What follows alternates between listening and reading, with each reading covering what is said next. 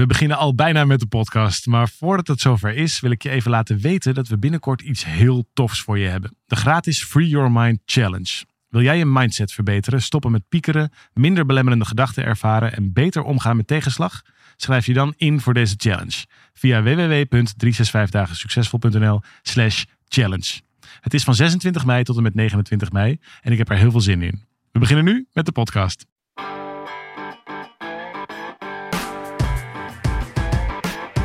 Van harte welkom bij deze podcast van 365 dagen succesvol. Wij zijn David en Arjan en we delen in deze podcast de eye-openers die cruciaal zijn voor een gelukkiger leven. Van harte... Ik durf het bijna niet te zeggen, David. Ik vind het echt super spannend dit. Heel veel angst Ja, voor het thema. ik ga het toch proberen. Van harte welkom bij deze podcast van 365 dagen succesvol. Tegenover mij staat David. Ik ben Arjan en we gaan het met elkaar hebben over misschien wel een van de grootste thema's in een mensenleven. Wat zich op allerlei manieren in je leven kan manifesteren. Soms heel actief en heel bewust dat je het in je hele lijf voelt. Soms is het er wel, maar heeft het zich zo vermomd dat je eigenlijk niet in de gaten hebt dat het speelt. Namelijk over angst. Ben jij, ben jij bang nu op dit moment, David? Nee, ik ben eh, vrij, vrij comfortabel. Maar jij vroeg me voordat we dit gingen opnemen... ehm, waar ben je nou eigenlijk heel, ten diepste heel bang voor? En nou ja, jij begint zo met die introductie en dan kon ik dus even nadenken. En er is wel één ding bovengekomen. Oh ja? Ja, ik, ik heb wel... eh, ik ben eigenlijk van nature, of van nature, dat is natuurlijk zo, zo gegroeid... maar ik ben eigenlijk bang voor conflict.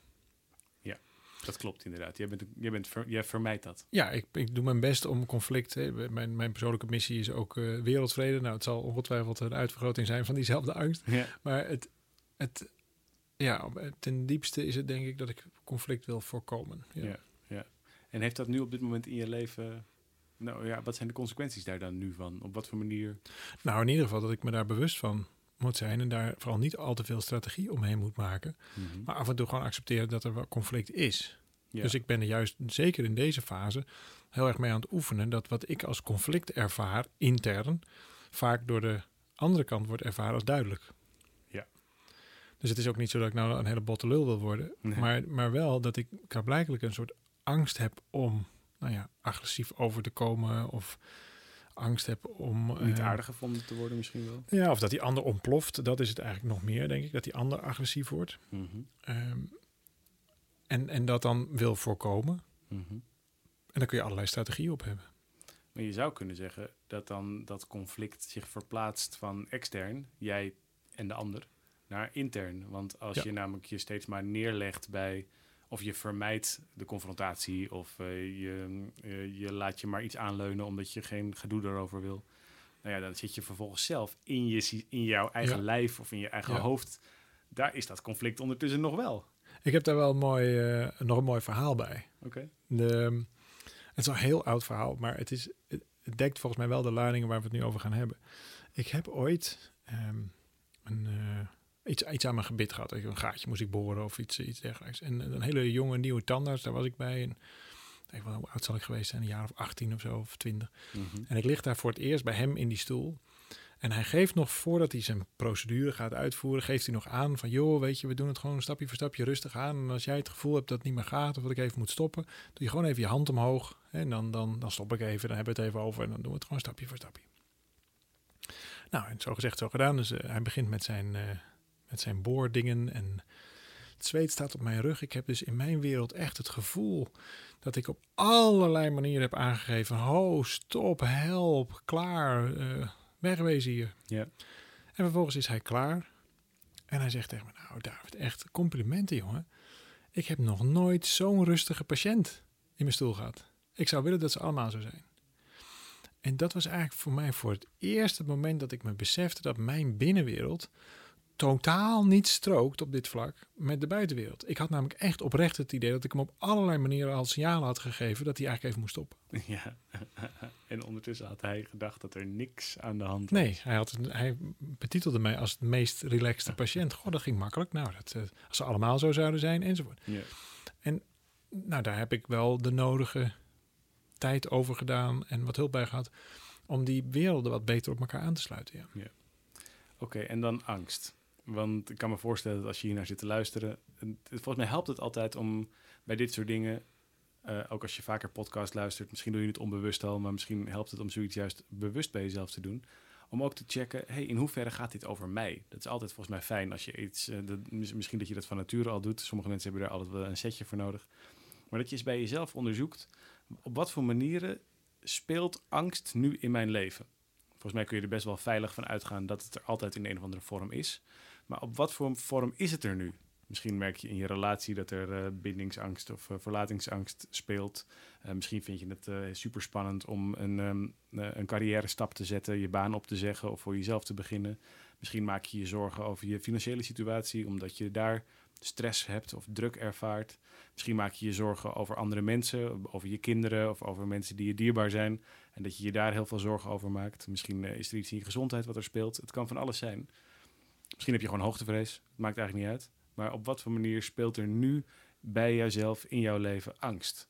En het kan heel waardevol zijn om dat in eerste instantie volgens mij eens onder ogen te zien. Om gewoon te zien dat dat er is. Ik denk dat het heel erg helpend kan zijn om gewoon toe te geven van ja, dat, dat stuk. Dus zoals jij nu zegt, Ja. conflict, ben ik eigenlijk bang voor. En dat, dat helpt volgens mij heel erg om dat gewoon maar te zien dat het zo is. Nou, in ieder geval dat je daar een aantal, nou, het is misschien nog niet eens zo primair, maar laten we het even primaire reacties of primaire omstandigheid noemen. En dat dat gewoon zo is. Dus ja, het is zo dat als ik, zeker eh, bij de mensen die me, hoe dierbaarder ze me worden, hoe meer ik het conflict uit de weg ga, Ja. ehm, dat dat mijn natuurlijke reactie is, laat maar zo Mhm. zeggen. Om er vervolgens natuurlijk wel iets mee te doen. Want anders word je, eh, word je heel erg een soort van of een Mr. Nice Guy, of je lost helemaal op, je wordt een enorme pleaser, of nou ja, zoiets dergelijks. En dat wil je natuurlijk ook niet. Nee. Maar ik denk dat het in tweede instantie, als je dus je angst onder ogen ziet, dit is het voor mij. Dat het heel erg helpt om te bekijken of die angst terecht is, of dat die heel reëel is. En het voorbeeld wat ik graag daarbij wil geven is eh, een, een voorbeeld wat ik eh, vrij recent met mijn eigen kinderen ehm, heb gedaan en af en toe nog steeds wel moet doen. Kleine kinderen. Is dit de krokodil onder het bed? Ja, nou, bij hun zijn het geen krokodillen, maar is het de tijger in de kamer, maar een variant op de krokodil onder je bed.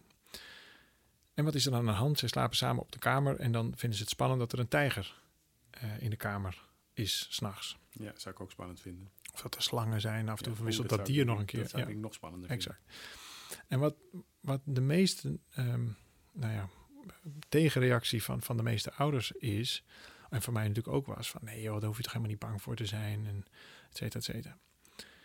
Want dat is natuurlijk ook zo. Want ja, er zijn namelijk helemaal geen tijgers, dus ja, daar hoef je ook niet bang te zijn. Maar moet je eens voorstellen dat er daadwerkelijk een tijger in je kamer staat. En niet zomaar zo'n poeslieve tijger die dan een beetje in een hoekje ligt te slapen, maar eentje die gewoon honger heeft, zeg maar. Zo'n Ja. tijger. Die staat in jouw slaapkamer. Dan zou ook jij, ook als ouder, aan het plafond zitten. Dan zou je de hele boel bij elkaar schreeuwen. Dan zou je flauw vallen van de angst misschien wel. Ja. Dus die angst is eigenlijk heel erg terecht. Ja. Je zou kunnen zeggen, als er een tijger in de kamer staat... en in jouw wereld is dat zo, dus in die kinderhoofdjes... is er op dat moment hè, een, een hele terechte angst, zou je kunnen zeggen. Ja. Dus je moet die angst ook niet afwijzen. Je moet niet zeggen van... Daarom stelde jij denk ik net ook die vraag van... van hè, kun je het onder ogen zien? Is dat er? Ja, dat is er. Dat is concrete angst. Ja. Vervolgens kun je je afvragen, is dat zo reëel? Want daarmee hoef je de angst niet af te wijzen, maar dan, dus dan, dan heb ik het gesprek met ze, of we gaan even kijken, is die achter het gordijn? Nee, hij is niet achter het gordijn, is die onder het bed? Nee. En dan, waar wonen tijgers eigenlijk? Ja, die wonen ergens in Afrika. Hoe ver is dat eigenlijk lopen? Ja, dat is wel heel ver. Kunnen die tijgers er helemaal toe lopen? Nou, maar ze hebben ze ook in Artis. Oh ja, en zitten ze dan in een hok of lopen ze gewoon door? Nee, ze zitten wel in een hok. Denk je dat het hok dicht is? Ja, ik denk wel dat het hok dicht is. Dus is er een grote kans dat tijgers dan hier in de kamer zijn? Nee, dat denk ik eigenlijk niet. Oké, dus we hebben de angst serieus genomen en we hebben serieus onderzocht of het zo reëel is. Nou, dit is in een kindervoorbeeld vrij eenvoudig. En Mijn kinderen gaan dan ook meteen slapen en is oké. Maar dit geldt natuurlijk voor volwassenen precies zo. Ja, het is een, het is, eh, als je het zo uit elkaar trekt, is het eigenlijk een vorm van cognitieve gedragstherapie. Want je maakt de. Ja, of het waar is of niet. De Ja, gedachte, ja. de gedachte, er is een tijger in mijn kamer, is een andere, dat is iets anders dan de emotie, ik ben bang voor een tijger. En wat, je, wat je ziet is dat veel mensen met de emotie aan de slag gaan. Ja. Dus zeggen, ik moet niet meer bang zijn voor die tijger, ik moet niet meer bang zijn. Dus dat onderdruk je dat. Ehm, en jij zegt nu in dit voorbeeld eigenlijk heel concreet: nee, joh, die emotie is wat die is, want die volgt logischerwijs uit die gedachte. En dat Ja. is dus als je jezelf serieus wil blijven nemen, als je op je eigen intuïtie wil blijven vertrouwen, neem alsjeblieft die emotie serieus, want die is logisch, die hoort bij deze gedachte. En wat je beter kunt doen, is de gedachte onder de loep nemen, want de gedachte Ja. veroorzaakt uiteindelijk die emotie en die- daar zit die angst in.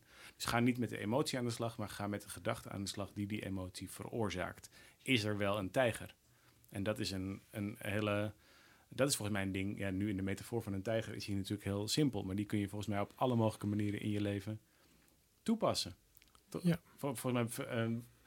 Eh, de, wat was nou, zei je de nummer één angst voor heel veel mensen? Was spreken voor groepen, toch? Klopt. Dat, dat je, Ja, ze hebben wel eens onderzoek gedaan naar, naar de, de, de grootste angsten bij, bij nou, grote groepen mensen. Ja. En daar bleek dus spreken in het openbaar hoger te zijn. Ik dacht dat er nog één, die is nog, nog hoger. Maar goed, ik, het is, even- ik moet even de fact-checker overheen. Maar Volgens mij dat je kinderen je iets, iets ja, dat, dat dacht ik ook, ja. En dan zit scheiding zit nog heel hoog. Maar in ieder geval zit spreken in het openbaar boven angst voor de dood. Ja. Nou, dat vond ik zoiets wonderlijks. Ja, en als je dat dus volgens ditzelfde rijtje zou openklappen, dan zeg je, ja, de, de, wat is de gedachte over spreken in het openbaar? De gedachte is misschien wel, ik word afgewezen of eh, eh, ik, ben niet, ik ben niet leuk genoeg, ze vinden me stom. eh, of eh, ik Kan het niet. Ja. Dan is vervolgens de emotie, oh, ik moet het niet doen, oh, ik vind het vreselijk spannend, ik loop weg of ik ben geneigd, oh, ik ga vluchten of eh, Mhm. ik ga me verstoppen. Eh, en dat is eigenlijk een hele terechte emotie. Dus je zegt, ja, bij die gedachte is het ook logisch dat je deze dingen voelt. Ja. Dus, dus heeft het ook geen zin om te zeggen, joh, valt wel mee, het is allemaal niet... Ja, eh, Als jij van jezelf vindt dat je dat niet kan en er zit duizend man in de zaal, dan zou ik ook maar beter het podium niet opgaan. Nee, dat, nou ja... Of, behalve als je vanuit de nieuwsgierigheid gedreven wordt om te ontdekken of je gedachte eigenlijk wel klopt. Exact, want wat blijkt, dat je kunt veel meer dan je denkt dat je kunt. Als je houdt jezelf over het algemeen, en eh, ik denk wel in 99 van de 100 gevallen, hou je jezelf eigenlijk te klein. Ja. Je omgeving denkt over het algemeen groter over jou dan jij over jezelf. Dus je omgeving ziet de mogelijkheid al, alleen jij hebt nog allerlei filters die waarschijnlijk ergens in het verleden ontstaan zijn. Ja, ik weet helemaal niet of ik dit wel kan. Nee. Maar er is maar één manier om erachter te komen. En dan blijkt dat het in de meeste gevallen eigenlijk wel goed gaat. Zeker in je latere leven. Je kunt veel meer dan je denkt dat je kunt. Dus dan kom je dat podium op. Je had nog die oude overtuiging van dit kan ik eigenlijk helemaal niet. Vervolgens heb je het dan toch gedaan. Ja. En dan vervolgens ben je weer het podium af. Dat is een soort flits aan je voorbij gegaan. Want je komt in een soort, soort eh, su- superconsciousness modus. En dan sta je naast het podium. En dan is het zo tof. Dan heb je Ja. waarschijnlijk maar één gedachte. En dat is, oh, wanneer is de volgende keer? Nog dat is zo tof. Dit wil ik nog een keer. En dan, dan heb je eigenlijk zeg maar, het hormonale voordeel tijdelijk even van die doorbraak. Alleen ik vind het zelf niet zo'n prettige manier van leven om van doorbraak naar doorbraak naar doorbraak te gaan. Vanuit ik moet weer over kolen lopen, ik moet mezelf enorm stretchen. En zo. Het is wel Het is vanuit effectief hoor, maar het, het- precies, het kost heel veel kracht. En zo zit het leven nou eenmaal niet in elkaar. Het is gewoon maandag op een gegeven moment en er moeten weer gewoon dingen gebeuren. Dus wat veel Ja. effectiever is volgens mij, je hoeft dat podium helemaal niet op om jezelf te bewijzen dat je het wel kan. Je kunt dat doen via de route die jij zojuist schetst. Over die gedachten. Precies. Nou ja, en dat is, kijk, ik- ik noemde het net al, die cognitieve gedragspsychologie. De, die gaat natuurlijk ervan uit dat je ehm, dat je je gedachten kunt onderzoeken. Dat je, dat je als het ware jezelf kunt betrappen op je eigen gedachten. En dat is iets wat we in onze programma's en in onze methoden ehm, Uitgebreid. uitgebreid aan mensen leren. Omdat dat namelijk de sleutel is om jezelf in de gaten te krijgen. En daarbij ook te ontdekken wat je eigenlijk tegenhoudt in alles wat je maar wil bereiken in je leven. En als je in de gaten hebt welke overtuigingen je eigenlijk hebt over jezelf, over de wereld, over andere mensen, dan kun je ook voor het eerst jezelf de vraag gaan stellen: joh, al die overtuigingen waar ik mijn keuzes op baseer en waar mijn gevoel door wordt veroorzaakt, zijn al die overtuigingen eigenlijk wel waar? Zijn die wel ehm, eh, terecht? Is het wel echt zo dat ik word afgewezen als ik op het podium ga staan? Of is het wel echt zo dat er een tijger in mijn kamer zit? Of is het wel Mhm. echt zo dat ik niet leuk genoeg ben, dat ik niks kan, dat ik niet goed genoeg ben, dat niemand op me zit te wachten, dat ik, nou, noem maar op. En dan zul je merken dat als je dat, misschien is je eerste reflex om bij veel van dat soort gedachten, als je die onderzoekt, om in eerste instantie te denken, ja, natuurlijk is dat waar. Ja, want dat geloof je namelijk al je hele leven. Dus ja, dan is dat ook wat je aanneemt. Maar als je er dan nog de vraag achteraan stelt, weet ik helemaal 100% zeker dat deze gedachte waar is? Oftewel, is er geen ruimte voor twijfel? Kan er geen licht tussen? Is dit echt 100% waar? Dan is het in bijna geen, eh, dan blijft er bijna geen gedachte over waar je kunt zeggen, ja, dat weet ik 100% zeker. Want dan kom je er in bijna alle gevallen achter Dat het iets is wat je al wel heel lang gelooft, wat je al heel lang aan jezelf bewijst, waar je op een of andere manier in je leven veel bewijs van ziet, maar wat ook misschien wel anders zou kunnen zijn, maar wat je simpelweg nog nooit hebt toegelaten.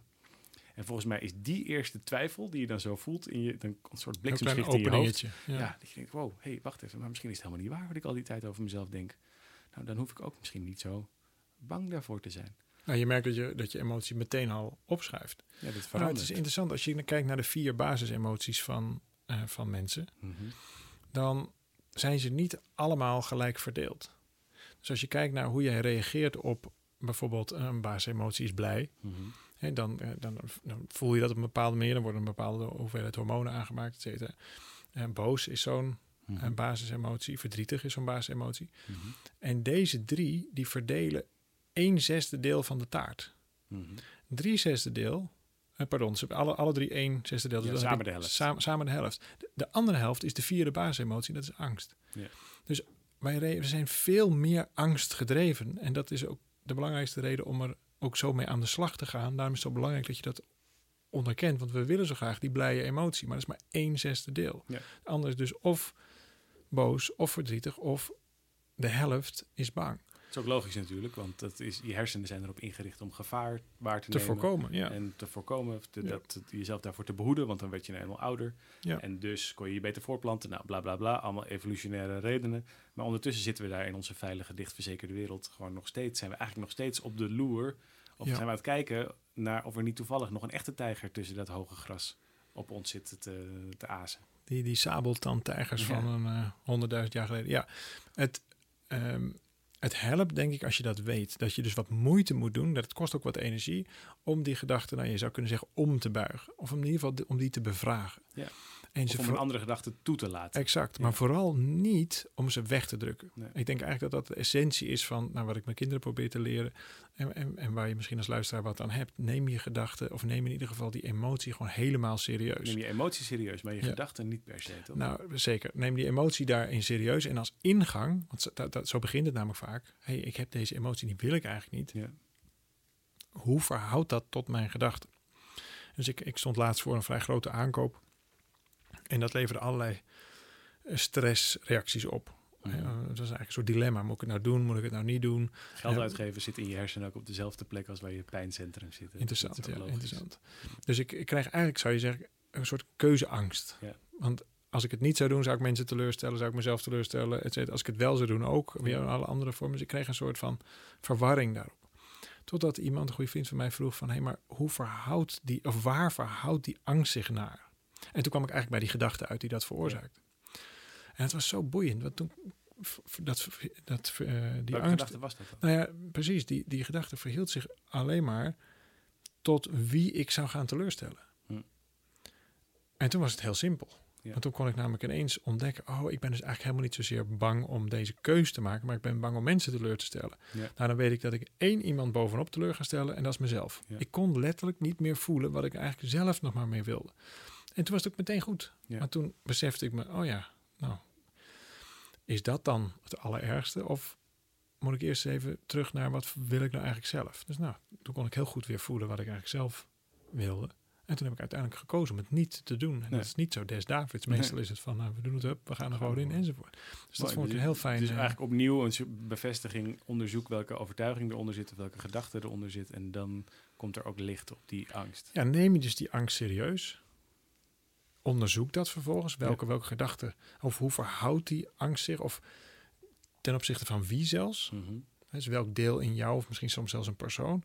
En dan vervolgens je dezelfde vraag stellen: hey, is dat dan waar? Of is dit dan nog zo zinnig?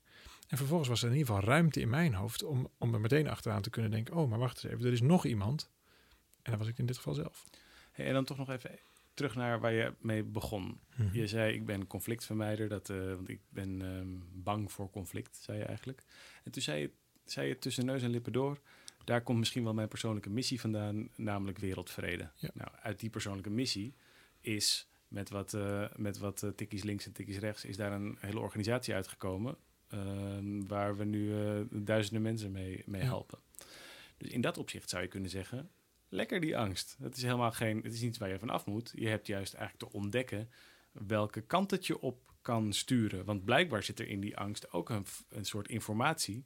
Of zou je zeggen van nou, ik wou liever dat ik het helemaal nooit had gehad. Want nu denk ik, nou, het is toch een prachtig cadeau dat jij een beetje bang bent voor die conflicten. Want daardoor zijn we met elkaar aan de slag om het leven fijner te maken van heel veel mensen. Dus hoera, toch? Hoe meer angst, hoe beter.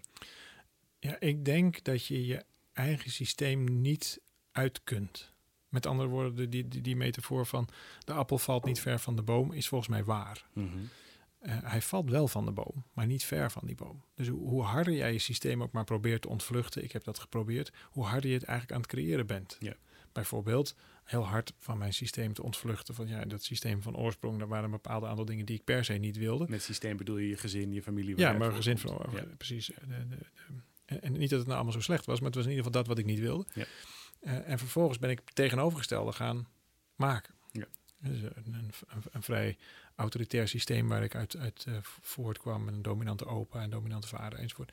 En, en, en nu is het allemaal prima, maar vroeger heb ik daar wel veel last van gehad. Ja. En dus ben ik een systeem gaan vormen rondom waar dat veel minder plaats vindt. Maar ja, zo zie je maar, de appel valt dus niet zo heel ver van die boom. Want dat heeft mij behoorlijk beïnvloed. Dat is Ja. niet genetisch zo bepaald, dat is niet spiritueel zo bepaald. Dat is gewoon in mijn omgevingsfactor zo Ja. bepaald. Ik moest wel, ik had me te verhouden tot die autoriteit. Nou, ik wilde me daar niet aan conformeren. Dus heb ik zelf iets moeten creëren. Dus het is heel vormend geweest. Ik kan nu zeggen, en dat is volgens mij ook een teken van volwassenheid. Beetje gek om dat zo over jezelf te zeggen, maar ik denk dat dat zo is. Dank je wel, papa. Ja. Juist doordat dat zo heeft plaatsgevonden, kon ik me afzetten. Kon ik zien hoe ik het zelf zou willen. Ja. En heb ik de, de vrijheid nou, genomen, zou je kunnen zeggen, om dit zo te creëren. En het voelt heel goed. Maar vind je dan nog in essentie dat we zouden moeten af zouden moeten van onze angsten allemaal? Of zeg je nou, joh, die angsten, onderzoek nou eens eerst eens wat voor wat proberen ze je te vertellen? Of, of welke, wat, wat voor manier zit daar informatie in over wat jij misschien wel in je leven te doen hebt? Nou, wat interessant is, wat je nu stelt, is waar ik denk dat wel veel mensen last van hebben, is namelijk angst voor de angst. Ja. De grootste angst die we hebben is over de angst van de toekomst. En dan gaan we precies, ja. en dan gaan we dus de angst beangstigen. En dat is volgens mij een, een visueuze cirkel waar je absoluut uit wil blijven. Het is namelijk een hele nuttige informatiedrager. Ja. Nogmaals, als die tijger echt in je slaapkamer staat of waar dan ook, vlak Je voor je, bang zijn, toch? kun je maar beter die, die angst even goed voelen. Ja. En dan, ook, dan Rennen. kun je ook rennen of handelen of wat je ook maar op dat moment denkt dat het best is. Terugbijten. Ja, precies. Je, je shotgun ergens vandaan halen. Nou, de mooie dieren zou ik nou doen. Aaien, knuffelen. Ja. Nou goed, zoiets. Eh, dus het is heel nuttig volgens mij. Het is ook interessante informatie. Nou, je gaf net al het voorbeeld. Dus op het moment dat je er wat mee gaat doen, als je ervan uit gaat creëren, dan kan het helemaal niet eens zo heel veel kwaad. Maar wat je vervolgens, wat je volgens mij niet wil, is die angst zelf bevechten of onderdrukken. Ja. En dan heeft het een averechts effect, denk ik. Cool. We hebben best een hoop eh, ehm, zo de revue laten passeren over dat thema, waar je rustig nog een bibliotheek over zou kunnen volschrijven, Zeker. denk ik. Zo, dat, eh, dat is wel interessant om daar nog een keer wat langer over door te gaan. Ehm, voor nu, als je daar zelf ook ervaringen mee hebt of iets belangrijks over hebt geleerd, of misschien uit deze podcast hebt opgestoken, sowieso te gek als je ons dat laat weten via onze sociale media of ehm, op andere manieren. Ehm, als je hier nou iets aan hebt gehad, deel het dan vooral met andere mensen. Vertel ze dat deze podcast bestaat. En mocht je zelf het leuk vinden om hier nog een volgende stap op te zetten, weet dan dat op 365podcast.nl altijd een aantal artikelen of video's of eh, cursussen voor je klaarstaan om ook een volgende stap te zetten als je dat bij jezelf voelt dat dat het goede moment is. Dan ben je uiteraard van harte uitgenodigd om dat eh, te doen. Sowieso leuk en, eh, en heel erg leerzaam en praktisch. En daardoor eh, misschien wel echt iets voor jou op dit, op dit moment. Voor nu veel dank voor het luisteren. Fijn dat je erbij was. En tot een volgende keer. Ja, tot de volgende keer.